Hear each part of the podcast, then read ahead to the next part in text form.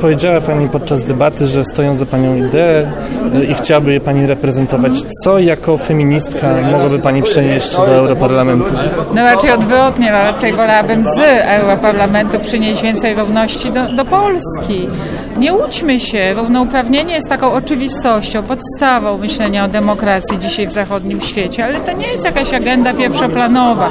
To są, jak mówię, pewne oczywistości na zachodzie Europy, a w Polsce w dalszym ciągu te oczywistości nie mogą się dobrze zakorzenić. Nie z powodu naszej historii, bo nasza historia była całkiem równościowa, tylko z powodu takiej ofensywy neokonserwatyzmu.